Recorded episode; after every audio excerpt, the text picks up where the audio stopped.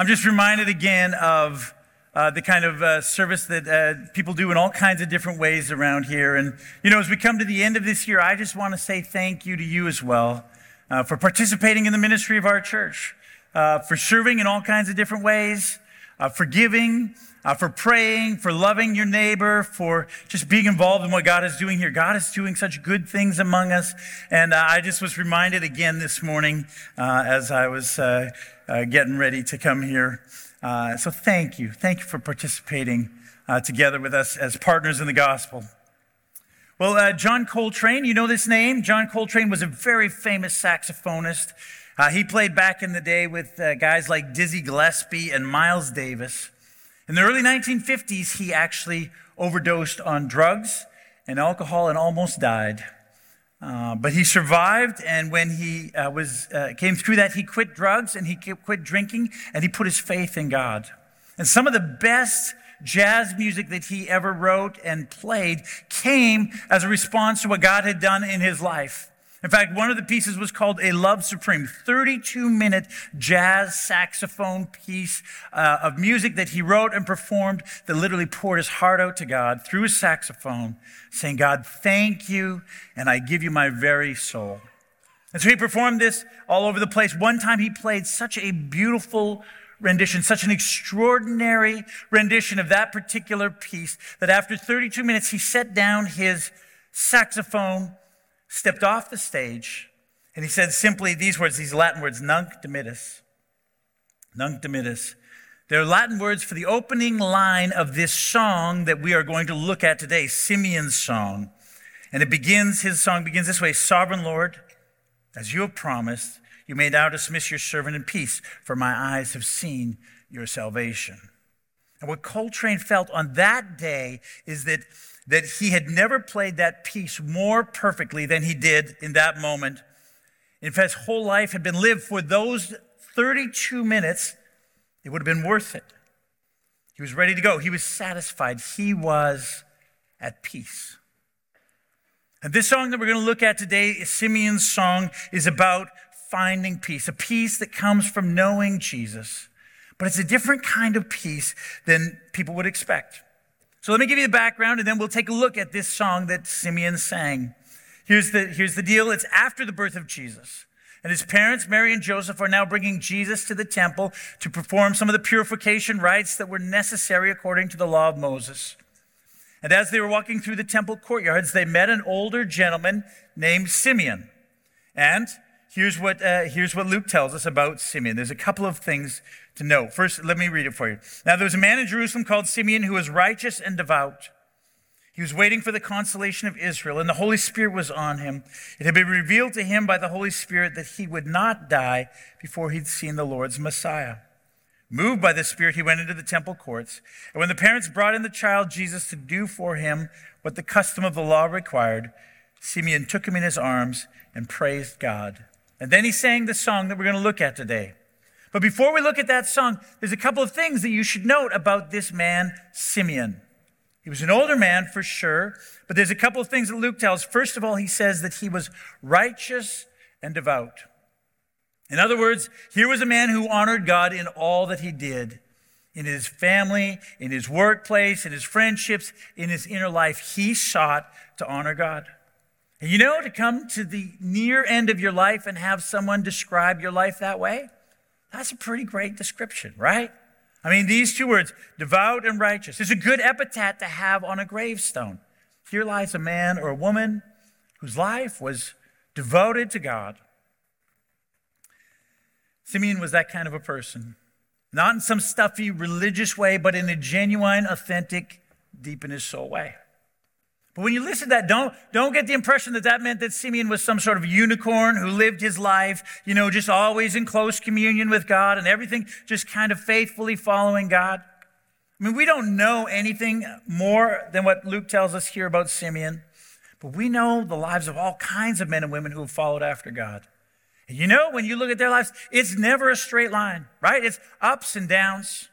It's success and victories and then defeats and failures regrets and detours.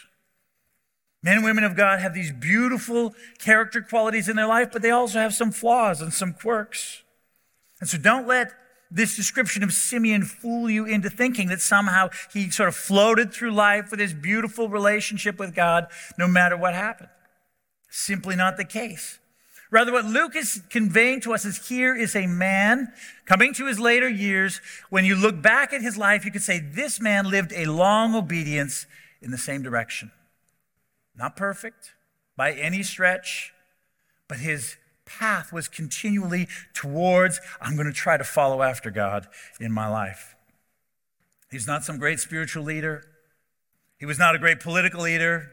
He was just a guy who probably had a family and ran some sort of little business and had friends and sought as best as he could to follow God in every area of his life. And Luke says the cumulative record of that was that he was a righteous and devout man. And that's a good goal, isn't it? I mean, that's the kind of goal that you and I should aspire to.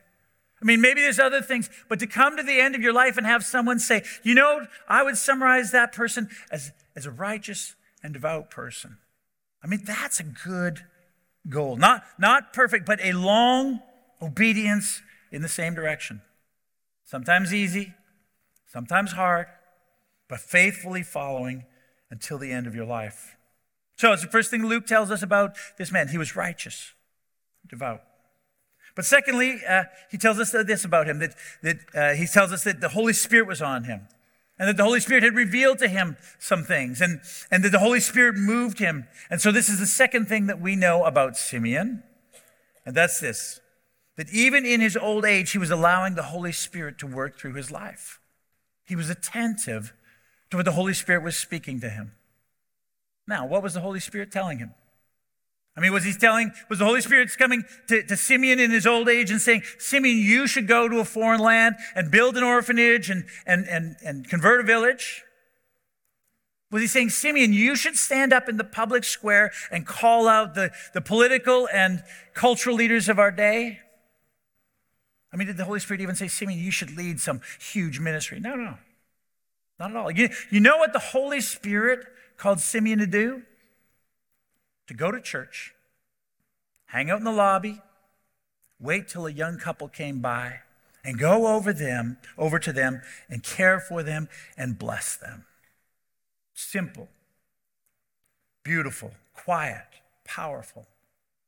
Because you see, the couple that God was going to direct to them, to him, had just had their first child, and it was far from normal. I mean, they had to have the baby while they were traveling. They had the baby in a barn. Shepherds showed up, angels were there, wise men. I mean, it was crazy. And though they don't know it yet, they are going to have to flee for their life to Egypt because the king of the land is going to try to kill their child.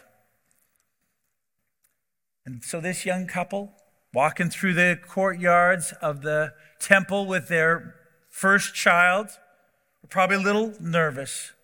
And God sent an older gentleman to meet them not some holy saint who had a perfect life, but someone who had lived a long obedience in the same direction. And to speak words into their life, words of encouragement, to sing a blessing over their son, to cement in their hearts and their minds that God was at work in their particular situation. So simple, so quiet, yet so very powerful. It's a beautiful thing that Simeon did. You know, one of the beautiful things about this church about our church, about Ridge Church, is the kind of diversity that we have here, right? I mean, yeah, we have people, uh, I mean, from all kinds of different places. Yesterday, I had the privilege of baptizing a Persian couple, uh, an Iranian couple that has come to faith. I met with a, a man uh, yesterday who uh, comes from a Punjabi background who wants to give his life to Jesus. Uh, Bilal this morning comes from a Muslim background. And of course, all sorts of us from all kinds of different places. And God in His grace has brought us all together. And not only from different backgrounds, but from different ages and stages of life youth and young families and, and middle age. And, and what, did, what did Pastor Dan say last week? Those who are a little more along in years? Is that what he said, right? This is a beautiful thing. This is God's grace to our church, isn't it? To gather from all kinds of different backgrounds, different stages and ages, and to worship together and to follow Jesus together and walk together as best we can after him. You know, sometimes when people think of the leading of the Holy Spirit, they think that that means that the Holy Spirit will tell them that they should become missionaries in Asia or South Africa or South America, rather, or, or that they should, you know, have a word of prophecy or pray for someone for healing. And, and if the Holy Spirit prompts you to do that, you should do that.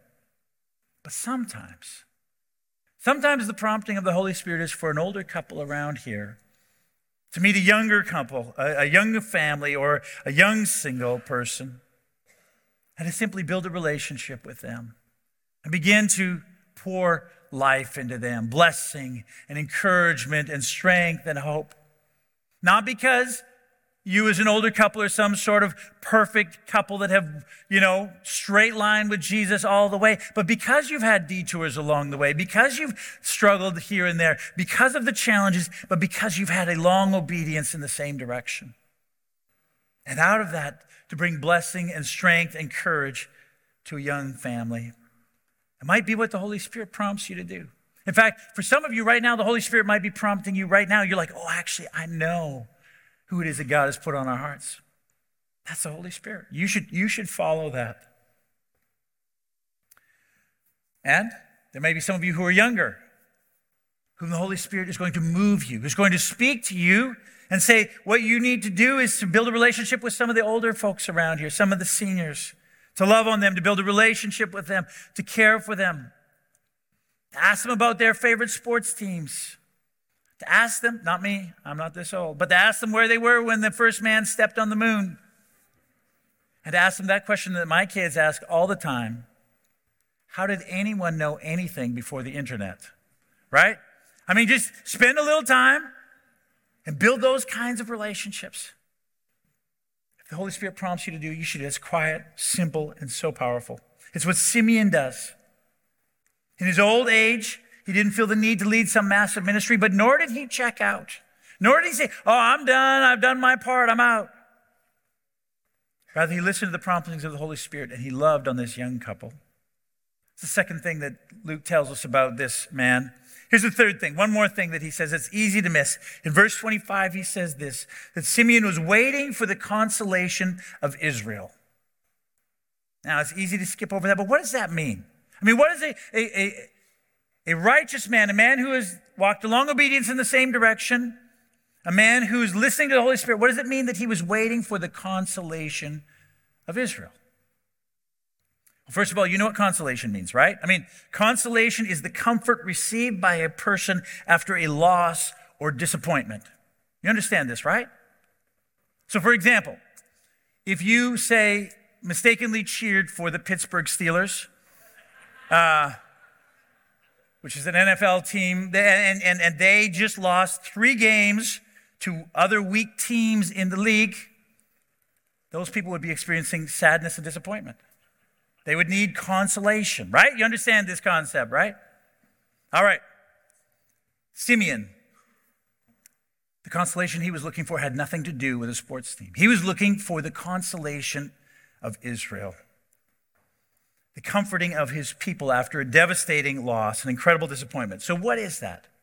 Well, to understand what he's talking about, you have to go back 600 years before the time of Simeon.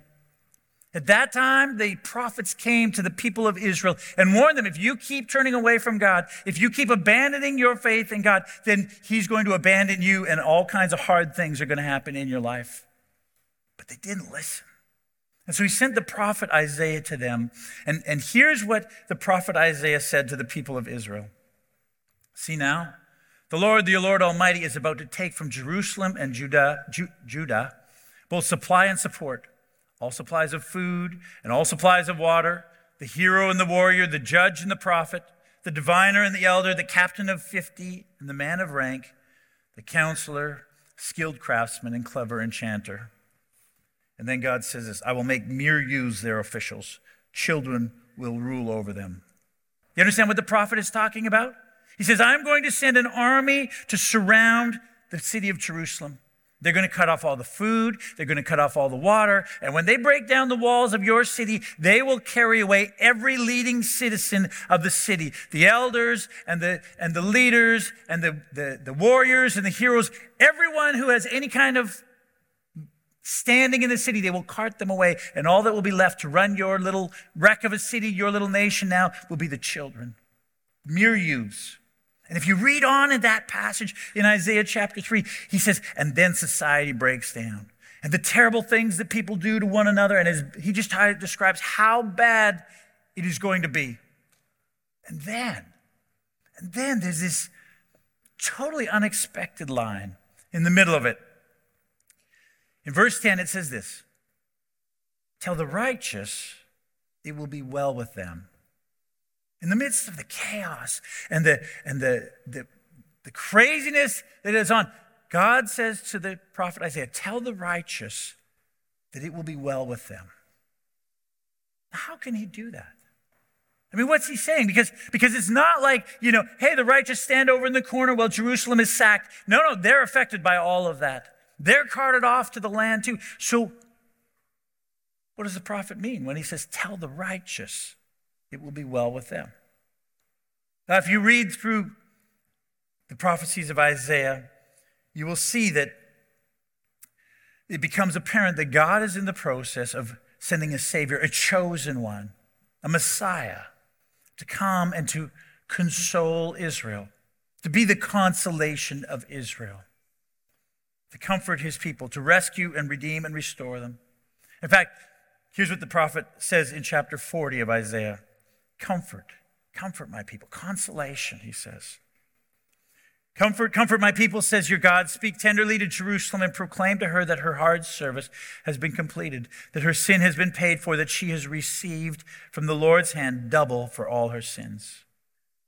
God says, I will comfort, consolation. But how? Here's the very next words that he says A voice of one calling, In the wilderness, prepare the way for the Lord. Make straight in the desert a highway for our God. Every valley shall be raised up, every mountain and hill made low. The rough ground shall become level, the rugged places a plain. And the glory of the Lord will be revealed, and all peoples will see it together, for the mouth of the Lord has spoken.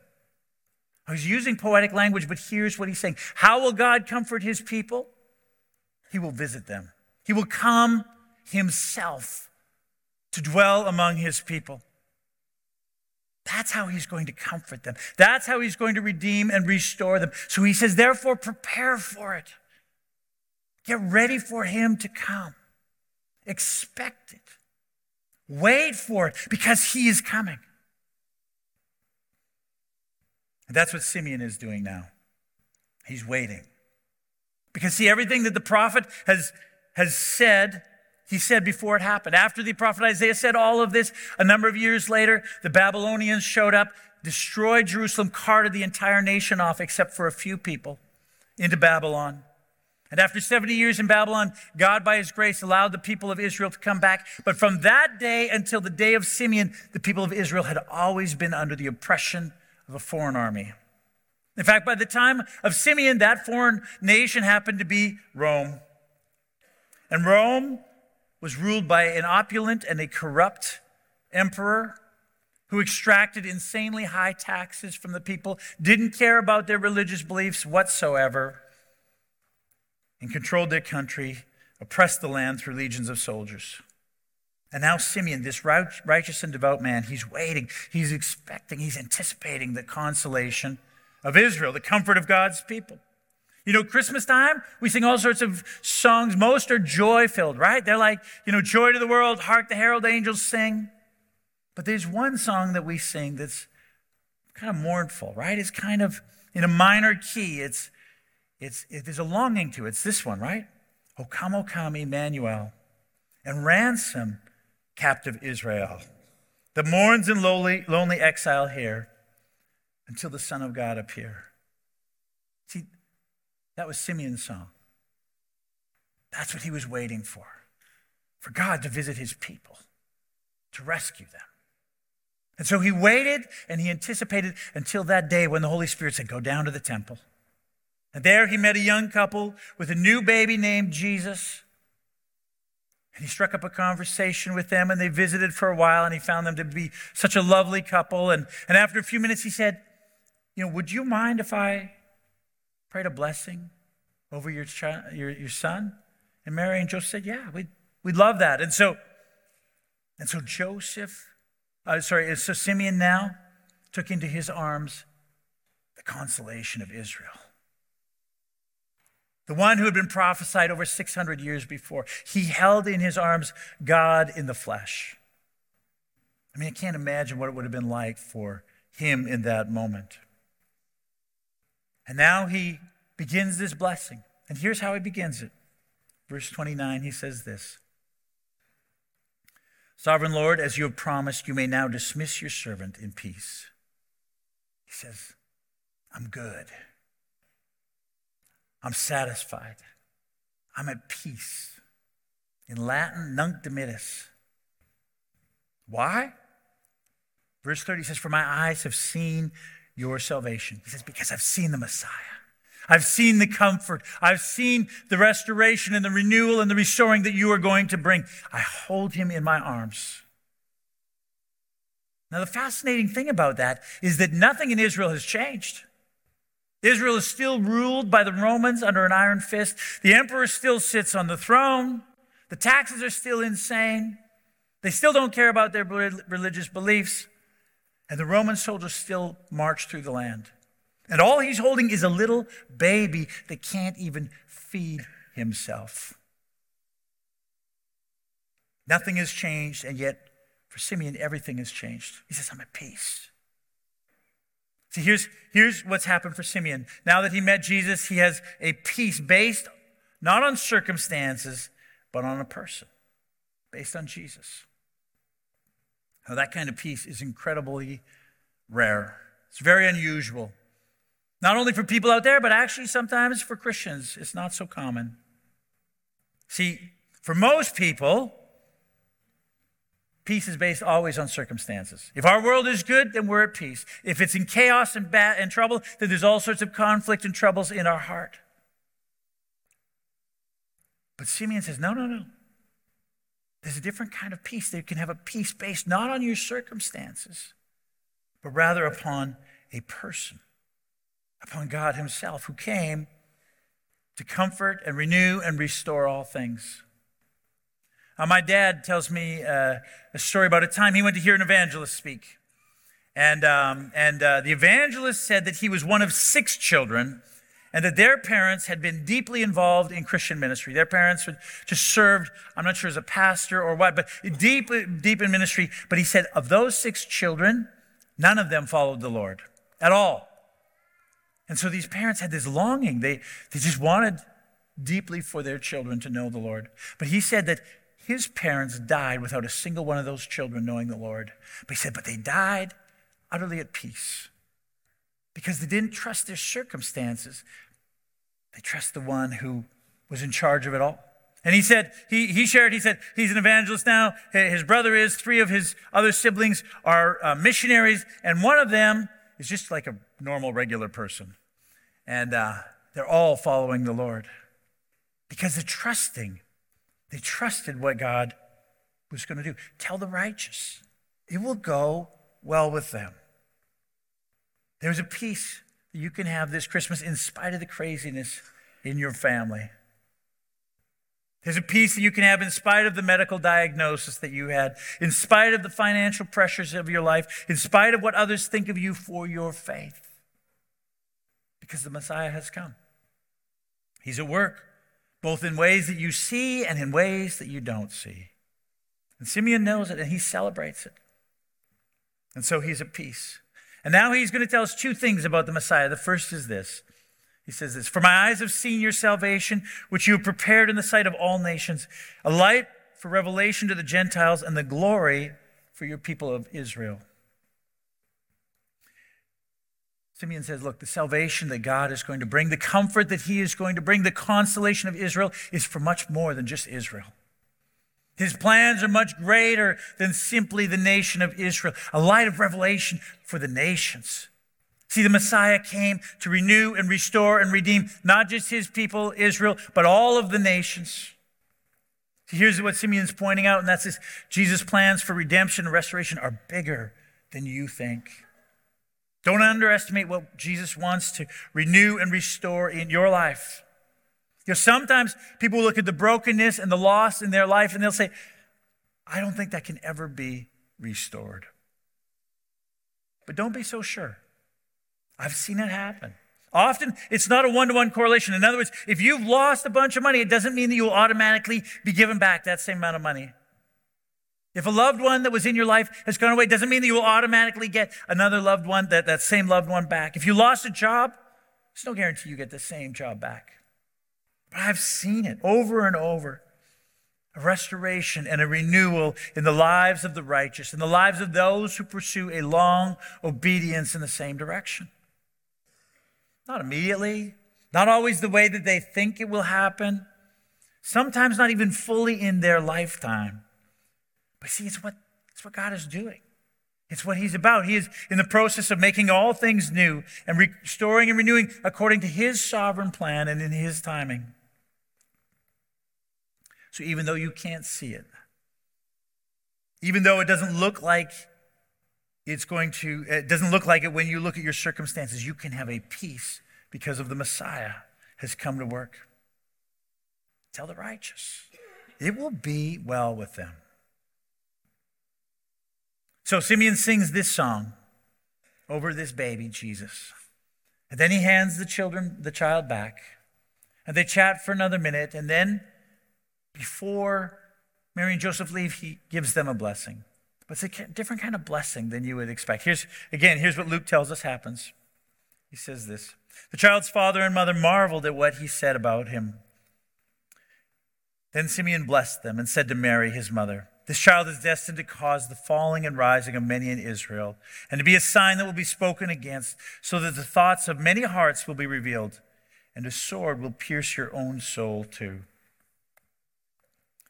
Here's the blessing that he gives to Jesus' parents. He says, This son of yours, he's going to change the world. He's going to bring peace, but in the process, he's going to cause all kinds of conflict. And in fact, there will be pain in your own heart because of it. Here's the second thing that, that he tells us about the Messiah his plans for redemption and restoration will involve conflict, which seems a little counterintuitive, right? The one who's supposed to bring comfort and peace will actually bring conflict and pain. But if you think about it, it's actually not that counterintuitive. It's necessary sometimes. In World War II, when the Allies wanted to bring peace and restore comfort to the, the, the continent of Europe, it began with a brutal invasion on D Day. If you go see a surgeon and he wants to bring healing to your body or she wants to bring healing to your body, the first thing they do is lay you on a table and cut you open. If you see a therapist and you want healing in your life, they're going to start by saying, Tell us about the hard things that have happened in your life. Simeon understands that this beautiful little baby lying in his arms when he grows up and begins his ministry, is going to cause conflict in people's hearts and lives. Those who oppose him, but also those who follow after him, those who love him. Those who oppose him are going to have conflict with him because he demands total allegiance. See, he's not some jolly old man riding in on a sleigh, giving out gifts to everyone, whether they've been naughty or nice. He's the Son of God who's come to redeem and renew the world and who has come to rule and reign over his creation, which means that he demands people's full allegiance. You know, Christmas time, uh, there's this, uh, uh, the, the Hallelujah chorus. You know this? It's part of Handel's Messiah. It's famous, so famous. I mean, people pay all kinds of money to go and hear a choir sing it. In fact, people stand during it. It is just so powerful and so, so move, moving. And in the middle of that famous chorus, there are these, these lines King of Kings, forever and ever. Lord of Lords, hallelujah, hallelujah. And he shall reign forever and ever. Hallelujah. You should listen to that this afternoon. I mean, it's been a while. You should put it on and listen to it full blast. It's so powerful. But so many people listen so blithely. They pay money to go. They say, Oh, wasn't that beautiful? And they never think twice about it. But when you begin to run into the fact that Jesus is King of Kings and Lord of Lords, if you don't want that, that causes conflict in your life. It's what he demands forever and ever. Hallelujah. But if he's your King of Kings, if he's your Lord of Lords, if you say, I'm going to submit to him, Well, that'll cause some conflict in your life as well because he wants to reveal the thoughts of your heart as well. And sometimes when that happens, it feels like a, a sword cut into your soul. But he will do it because of his love for you, because it's part of that process of redeeming and restoring and renewing you. The two ways he typically does that one is through calling you to repentance, calling you to examine your heart and to see what's happening there that's against him. Repentance is like, like antiseptic. When you pour it on a wound, it stings, but it heals at the same time. Part of his call on your life, if you call him King of Kings and Lord of Lords, is to say, where in your life do you need to repent?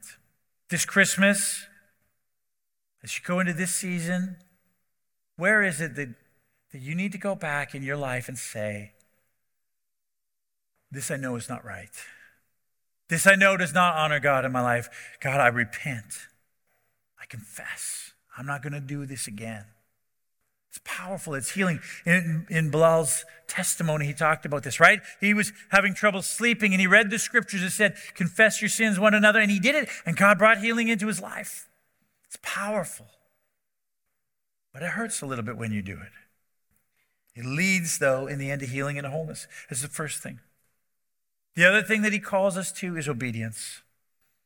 That also can be challenging, right? We, we talked about that this past fall. Romans 6, 7, 8.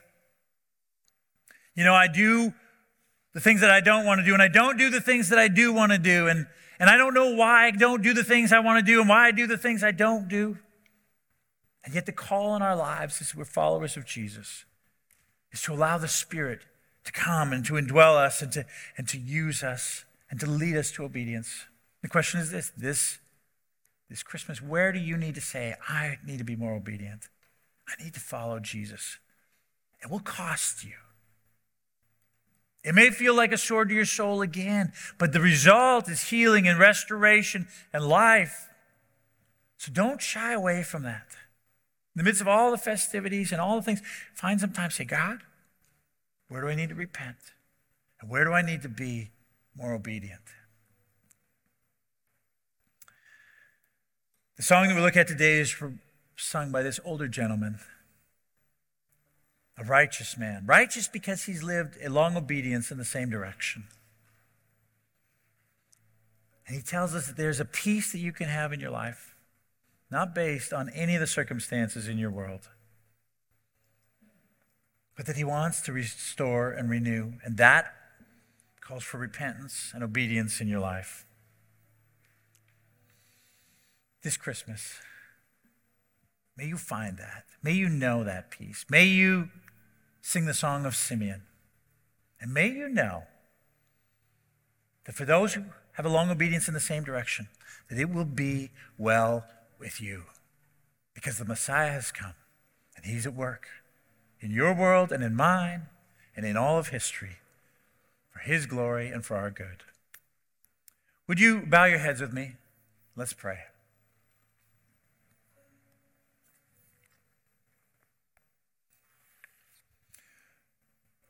Well, God, this Christmas season, we just slow down in this moment. We just humble ourselves before you right now, God.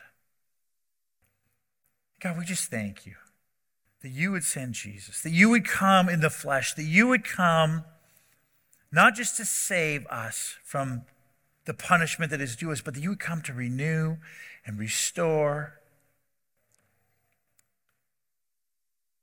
to do all of these beautiful things, not just out there, but in our own lives. And so, God, in this season, may we just rest in that. God, this season, may we just find a peace, not based in our circumstances, but a peace based in Jesus because of what He's doing. And Father, may you work in our lives. May you mold us and shape us again. May you draw us on, even in the hardest places, Father, because of what you're doing. So we trust you. We bless you. We follow you. Ups and downs, no matter what. We pray it in Jesus' precious name. Amen. Amen.